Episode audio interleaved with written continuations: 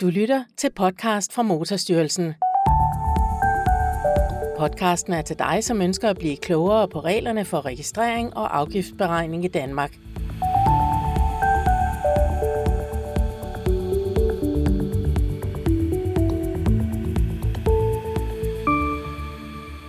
Velkommen til podcast fra Motorstyrelsen. Den her gang der skal vi tale om varebiler, fordi hvad er en varebil egentlig? Og svaret det er måske ikke så åbenlyst, som man skulle tro, fordi når vi snakker om personbiler og varebiler her i Motorstyrelsen, så er det altså i afgiftsmæssig forstand.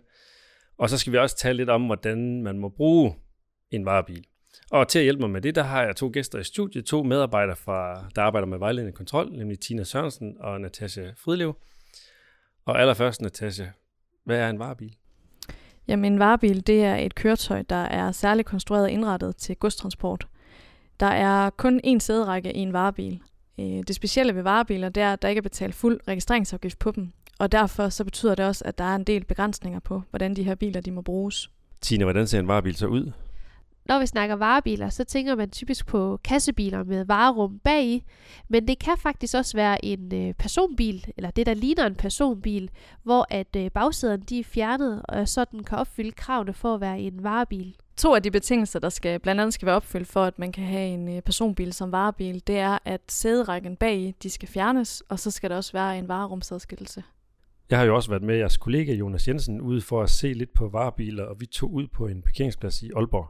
Jo, så står vi jo på en parkeringsplads omgivet af biler. Vi går nok øh, krøvet lidt ind i lag, fordi det blæste helt vildt. Øh, når vi nu taler om varebiler, så når jeg tænker på en varebil, så tænker jeg på sådan en, som jeg har ved siden af os, en kassevogn. Ja, det tror jeg også er den almindelige opfattelse. Det er en kassevogn, det er en varebil. Men så, øh, så er der også sådan en her, som er ved siden af os. Det går nok en stationcar, men det vil jeg jo kalde en personbil. Men det er det ikke. Det er det ikke, nej. Det kan du se på de gule nummerplader, som er på køretøjet. Øh, de gule nummerplader, det gør jo, at øh, den er indregistreret anderledes i motorregisteret. At det er en varebil indregistreret til godstransport erhverv. Ja, fordi så, altså for vores synspunkt, så er det her en varebil. For vores synspunkt, så er det her en varebil, ja. Og man kan sige, at nogle af de problemer, vi oplever, når vi er ude på kontrol, det er, at de her varebiler, de så ikke er påført med et øh, CVR-nummer eller et firmalogo, og det skal der også være, selvom at det er i godsøjen en personbil, kan man sige. Ja, det var lidt blæsende, da vi var ude på parkeringspladsen, så vi gik i, i læge i, halvt ind i en, øh, en parkeringskælder.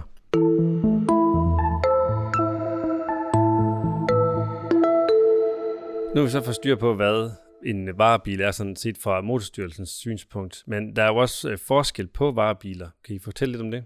Vi har to typer varebiler. Vi har specialindrettet og ikke specialindrettet.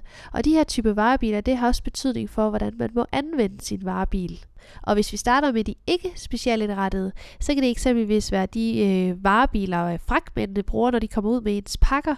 Og det kan være dem her, vi snakker om som personbiler, hvor der ikke er bagsæde i de vil aldrig kunne være specialindrettet. Hvorfor kan de aldrig være specialindrettet? Det kan de ikke, fordi varebiler må ikke kunne bruges som et alternativ til en privatbil. Nu har Tina så lige forklaret, hvad en ikke specialindrettet varebil er. Natasha, hvad er en specialindrettet varebil så?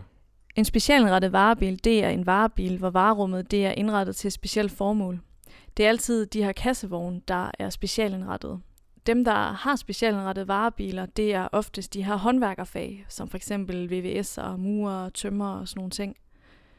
Når man taler om specialindretning i de her varebiler her, så kan det fx være, at der er fastspændte reoler med værktøj og materialer og diverse ting. Det vil altså sige, at der skal være et erhvervsmæssigt behov for, at køretøjet det er indrettet på den her specielle måde. Øh, det betyder også, at hvis man bare sætter en reol ind, så er der ikke tale om en specialindretning, hvis ikke du har et erhvervsmæssigt behov for, at reolen er der. Vi skal lige smutte ud på parkeringspladsen igen sammen med jeres kollega Jonas. Jonas, nu har vi fundet to varebiler, som jeg synes ser ret ens ud, men det behøver det ikke nødvendigvis at være. Nej, ikke øh, nødvendigvis nej. Den ene den kan jo sådan set være specialindrettet, og hvor den anden den ikke er specialindrettet.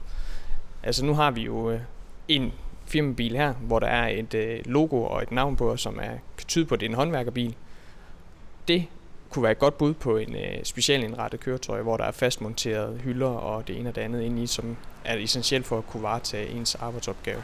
Ja, det er det, der er vigtigt for at det kan være specielt rettet. Det er det, der er vigtigt og essentielt for, at øh, om den er specielt indrettet, ja. Men nu, nu de her to varebiler, vi har her, vi kan i princippet ikke se, hvad de er, før man kigger ind i den, eller hvad?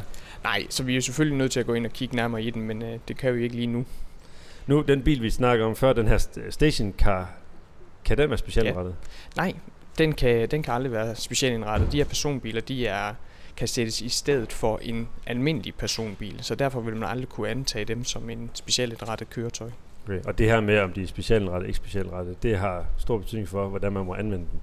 Ja, det har rigtig stor indflydelse på, hvordan øh, vi anvender vores, øh, vores, eller man anvender sine øh, køretøjer. Ja. Og det kommer vi også tilbage til. Det gør vi. Tina, du sagde tidligere, at det har betydning for anvendelsen af de her varebiler, om de er specialrettet eller ikke specialrettet. Hvad er, hvad er forskellen? Forskellen er, at en specialindrettet må du bruge til mere end en ikke specialindrettet. Og grunden til det er, at en ikke specialindrettet kan anvendes som en alternativ til en privat bil. I de specialindrettede varebiler, der må du køre mellem hjem og arbejde. Du må herudover køre omvej. Du må f.eks. aflevere dine børn. Du må handle ind på vej til at få arbejde. Du må give din ægtefælle et lift til at få arbejde.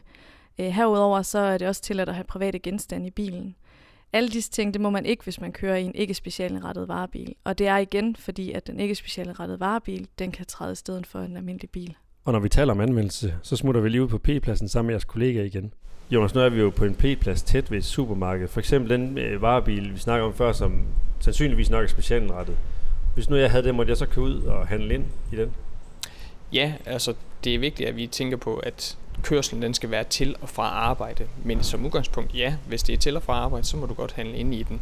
Okay. Og det er jo så der, det afviger lidt for for eksempel den bil, vi så før, hvor det var en personbil i gåseøjne, som er på gule plader. Der må vi ikke handle ind okay. til og fra arbejde. Men det er stadig vigtigt at sige, at det er til og fra arbejde. Du kan ikke bare tage den ud for, at det er formål at handle ind. Du kan ikke bare køre privat i den, nej, Nej. ellers så skal du gøre købe et, øh, et dagsbevis, og så kan man købe bilen fri en dag. Ellers så skal den helt have skiftet plader. Ellers så skal vi have den helt over på papegøjeplader, ja. Natasha, nu nævnte du nogle af de ting, man må i en specialindrettet varebil. For at få en hel liste over de, det, der er tilladt og ikke tilladt, så kan man gå ind på skat.dk, og vi linker til oversigten i vores episodebeskrivelse.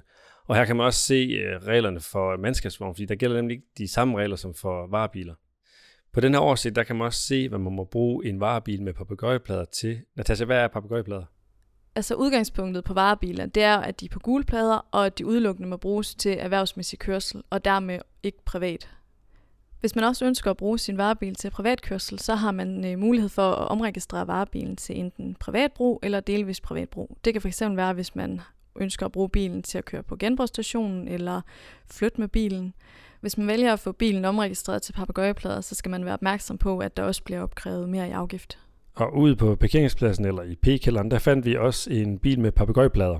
Nummerpladen på den her bil, den er anderledes end dem, vi har talt om tidligere. Det er, den er tofarvet, den er både gul og hvid. Øh, Hvad betyder det? Det betyder sådan set, at det er en papegøjeplade. Og hvis vi ser inde i varerummet, så kan du se, at der er en varerumsadskillelse bag øh, forsæderne, og så kan du se, at der ikke er nogen sæder bag i. Så det er en varebil. Det er en varebil, ja. Hvorfor har han så de her papegøjeplader på? Jamen det har den, fordi at den kan anvendes både øh, erhvervsmæssigt og privat, og så er der en anden mulighed, at du kan anvende den kun privat. Så der er, man kan sige, der er, altså selvom der kun er én type plade, så er der to typer af biler. Sådan. Den ene, det er halv erhverv og halv privat, hvis man kan sige sådan. Ja. Og en, det er kun privat. Lige præcis. Og hvad, betyder, altså, hvad er forskellen så? Jamen det betyder, at du kan bruge den erhvervsmæssigt og i en privat kontekst. Det er den ene mulighed. Og den anden mulighed er, at du ikke har noget erhverv, men du kun bruger den privat. Okay, så, hvis, så den ene, det er, hvis nu du altså, for eksempel har en enkeltmandsvirksomhed, så kan du også bruge bilen privat, så du ikke skal have to biler, for eksempel. Lige præcis. Så du kan lave nogle små ærner, for eksempel køre på lossepladsen og alt sådan noget. Og så den anden, det er kun privat. Der bruger Der du er kun, det- det er ligesom- kun anmeldelse til privat Ja. forbrug, ja. ja. Hvad, hvad, altså, hvad betyder det så afgiftsmæssigt? Jamen afgiftsmæssigt, der er jo en nedsættelse på de her varebiler, hvis man kan sige det sådan, papegøjepladebiler her, På Men- registreringsafgiften? på registreringsafgiften, ja. Så, de, så de papegøjepladebiler betaler mindre i registreringsafgift? En, ja, en En, normal, altså- en normal personbiler, ja. Ja, altså en normal hvidpladebil, ja. Lige præcis. Ja. Og, men der er så et, øh, et lille men. Det er, at øh, hvis du anvender den til erhvervet og privatmæssigt, så er der en privatbenyttelsesafgift på 50%. Og hvis du kun anvender den privat, så er der en privatbenyttelsesafgift på 100%. Og hvordan betaler man den? Den betaler man øh, samtidig med den grønne ejerafgift. Okay, så det er, en, det er en løbende afgift, man skal betale. Det er det, ja. Og den ja, vil jo ofte komme en gang hver halve år. Så hvis nu vi ser på en, der kun, altså en papegøjepladebil, der kun bruges privat, så betaler den en nedsat registreringsafgift, men altså, så skal man så betale den her privatbenyttelsesafgift. Lige præcis, ja. Natasha, hvad gør man så, hvis nu man ikke vil omregistrere sin bil, men stadig vil bruge den privat? Jonas han nævnte tidligere det her med dagsbeviser. Jamen, hvis du ikke ønsker at omregistrere bilen til papegøjeplader, så er der i stedet mulighed for, at man kan købe et dagsbevis. Et dagsbevis, det giver en mulighed for at bruge bilen privat i op til et døgn. Man skal da være opmærksom på, at man maks skal købe 20 dagsbevis inden for et kalenderår til den samme varebil. Du kan se de specifikke regler for anvendelse af dagsbeviser på skat.dk. Man kan købe dagsbeviser i appen Dagsbevis eller i motorregistret via skat.dk, og vi linker selvfølgelig til det i episodebeskrivelsen. Det var alt, vi nåede for den her gang. Tak til Natasha Fridlev og Tina Sørensen, som arbejder med vejledning og kontrol her i Motorstyrelsen. Også tak til jeres kollega Jonas Jensen, som også arbejder med vejledning kontrol for at tage med mig ud på en meget vindblæst parkeringsplads. Du finder det her afsnit og vores tidligere afsnit på de gængse podcast-platforme og i din podcast-afspiller. Du kan blandt andet høre vores afsnit om kontrol, hvor vi også kommer ind på øh, varebiler og nogle af de konsekvenser, det har, hvis man ikke overholder reglerne for brug af varebiler. Husk at abonnere på podcasten, så får du de nyeste afsnit direkte i din afspiller. Vi er tilbage med et nyt afsnit i næste måned. Mit navn er Jesper Nørgaard Reinvaldt. Tak for den her gang. Du har lyttet til podcast fra Motorstyrelsen. Du er forhåbentlig blevet klogere, selvom podcasten kun er en introduktion til emnet. Hvis du har brug for fyldsgørende information, kan du finde links i afsnittets episodebeskrivelse og via Motorstyrelsens hjemmeside. Tak fordi du lyttede med.